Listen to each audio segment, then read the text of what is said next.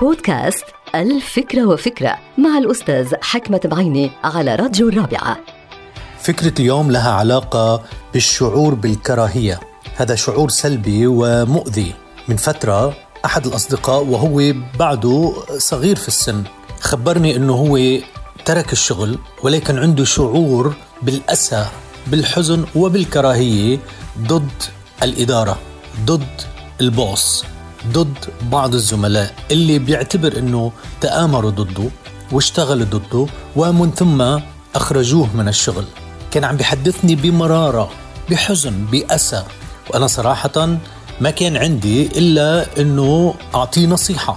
والنصيحة هي أنه يجب أن يتخلى مباشرة عن الشعور بالكراهية ضد هود الناس ضد المدير ضد الزملاء ضد الإدارة العامة.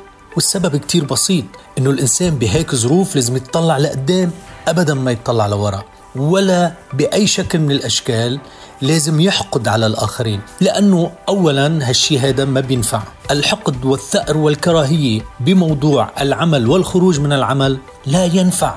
بالعكس نصيحتي كانت صفي نيتك صفي قلبك سامحهم وموف أون.